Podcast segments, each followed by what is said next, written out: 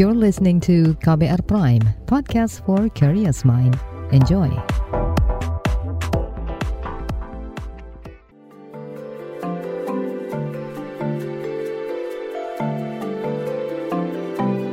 Saga, cerita tentang nama, peristiwa, dan fakta.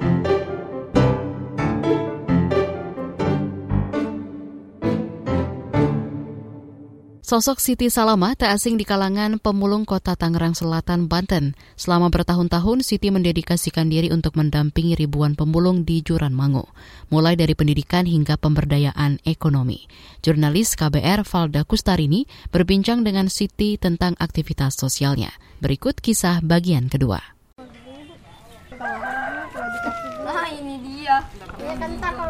Bau sampah samar tercium dari ujung gang Haji Sein, Pondok Aren, Kota Tangerang Selatan, Banten. Tumpukan karung berisi aneka limbah dan barang bekas terlihat di beberapa titik. Di sekitarnya, beberapa pemulung sibuk memilah-milah sampah.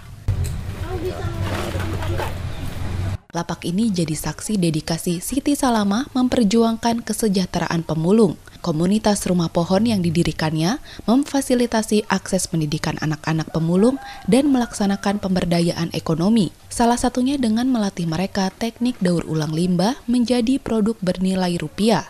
Nah, jadi kita ngajarin ibu-ibu lapak pemulung waktu itu bikin bunga. Jadi dia tuh bikin dari botol-botol terus dijadiin anting, kalung gitu. Dan itu harga jualnya lumayan sih mahal banget dan itu kayaknya nggak laku kalau di sini dijualnya kadang di Bali gitu. Karena orang-orang bule biasanya yang suka kayak gitu.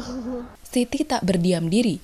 Perempuan asli Lampung ini terus meluaskan jaringan demi membuka peluang baru bagi pemulung. Saat menghadiri Youth Action Forum 2018, Siti bersua Ranitia Nurlita, pendiri West Solution Hub, lembaga ini bergerak di bisnis pengelolaan sampah. Merasa satu visi, Siti lantas bergabung. Lita awalnya ngajakin kita bikin kegiatan yang melibatkan pemulung yuk kak gitu. Ya udah aku mau oke-oke aja ya, yang penting semuanya positif dan ngebantu para pemulung gitu. Kolaborasi antara Rumah Pohon dan Wesa pun dimulai. Para pemulung dampingan Siti sering diajak memilah sampah dengan bayaran lebih tinggi ketimbang penghasilan memulung sehari. Dan alhamdulillah juga dari WhatsApp itu sendiri para pemulung kita alhamdulillah kepake banget gitu. Mereka tuh ada pekerjaan tambahannya lah gitu. Kayak waktu di 2000 berapa ya? 19 kita pegang event di SBSD itu pemulung kita kita bayar profesional mbak sehari itu bisa 200 sampai 300 ribu lah padahal kalau mereka mulung itu dapat segitu tuh susah banget gitu Founder Weshub, Ranitia Nurlita atau Lita, memastikan pemulung diupah layak. Kalau misalnya kita ada jasa pengambilan sampah selama tiga hari, kita bayarnya per hari gitu ya, bukan borongan. Kalau memang kita fokusnya di harian. Kami Alhamdulillah juga memang anggarkan cukup tinggi ya gitu ya. Bisa dibilang hampir dua kali lipat dari itu kan dari pagi ya kalau acara event. Itu nggak bisa dibandingin kalau misal ada pemulung tuh rata-rata habis subuh gitu ya. Kemudian sore itu udah pulang gitu ya. Kalau ini kan biasanya sampai tengah malam gitu kan. Makanya eh, ini juga sampai 2 sampai 3 kali lipat gitu ya. Sayangnya, jasa pemulung masih dipandang sebelah mata. Lita kerap harus menjelaskan alasan pemulung dalam tiap proyek yang digarapnya ya karena kita ingin menaikkan taraf hidup mereka juga gitu ya dan ini bukan pekerjaan yang nggak halal gitu dan pe menjadi pemulung pun juga pekerjaan halal gitu dan bersih gitu kan. Cuma memang mindset masyarakat itu ya kayak gini. Lita memandang masalah sampah bukan terbatas soal lingkungan, tetapi juga sosial. Itu sebab model bisnis West Hub yang dibangunnya tak melulu bertujuan mencari untung. Jadi memang uh, kita inginnya uh, mengajak masyarakat untuk melakukan uh, pemilahan sampah secara baik dan benar mulai dari level yang sangat kecil yakni rumah tangga apa pun aktivitasnya kami selalu melibatkan pemulung di dalamnya kayak gitu. Yang bertujuan emang tidak hanya profit yang kita memang kedepankan tapi juga dampak baik itu dampak sosial dan juga dampak lingkungan. Di masa pandemi, aktivitas pengelolaan sampah juga ikut terganggu. Para pemulung kesulitan mencari barang bekas untuk dijual karena kebijakan pembatasan. Siti dan Lita mencari cara agar para pemulung bisa bertahan itu kita mikir gimana caranya biar kita berpenghasilan, kita juga bisa menjalankan kegiatannya WhatsApp. Kita coba bikin kelas kayak online untuk uh, pengelolaan sampah dari rumah.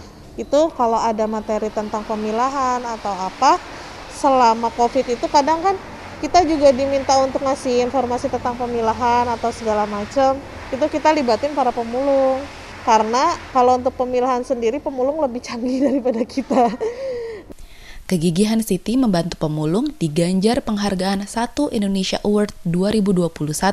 Kolaborasinya dengan WhatsApp diapresiasi karena mampu membangun sistem pengelolaan sampah modern. Produsen sampah dan bank sampah saling terkoneksi sekaligus memberdayakan ekonomi pemulung. Di Tempo juga di 2021 saya nggak apply mbak sebenarnya. Orang seboro-boro ingat mikirin itu orang saya lagi hamil kan.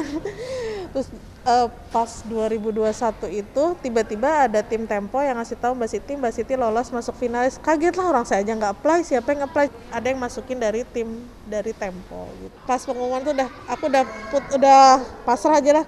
Aduh saingannya berat-berat semua nih gitu kan, nggak mungkin bisa menang. Ternyata pas pengumuman, jeng-jeng videonya orang lapak langsung gila lemes gitu langsung akhirnya bisa menang juga gitu di sini gitu karena nggak ada nggak ada nggak ada kepikiran sama sekali bisa menang karena benar-benar saingannya luar biasa gitu udah paling keren-keren orang-orangnya gitu saya mah apa tuh gitu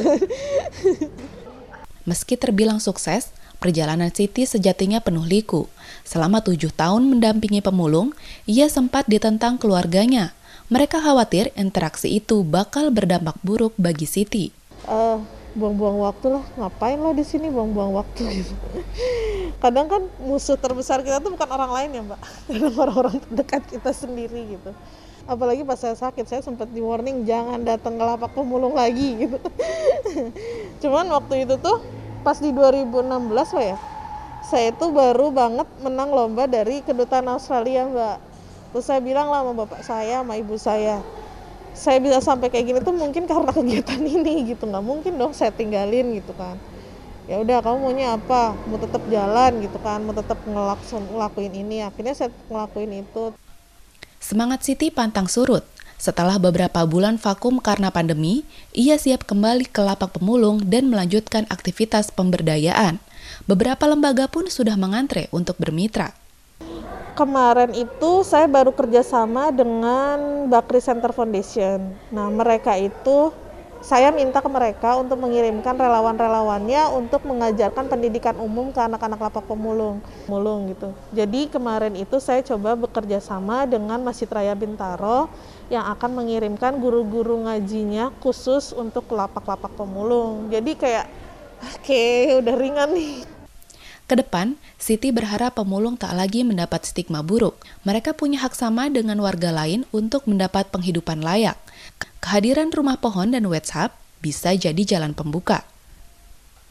Bisa jadi sesuai dengan harapan kita gitu. Kayak WhatsApp tuh pinginnya West Speaker to the next level gitu. Kita pingin uh, ya kembali lagi gitu ke niat awal kita gitu selain kita ingin menjaga bumi, kita ingin berkontribusi untuk bumi, kita juga ingin jadi bagian untuk membantu atau mengantarkan para pemulung itu untuk next level gitu. Jadi nggak pemulung tuh nggak dipandang sebelah mata lagi gitu. Dan pemulung pun uh, pinginnya tuh dihargain gitu ke depannya. Demikian Saga KBR, saya Valda Kustarini.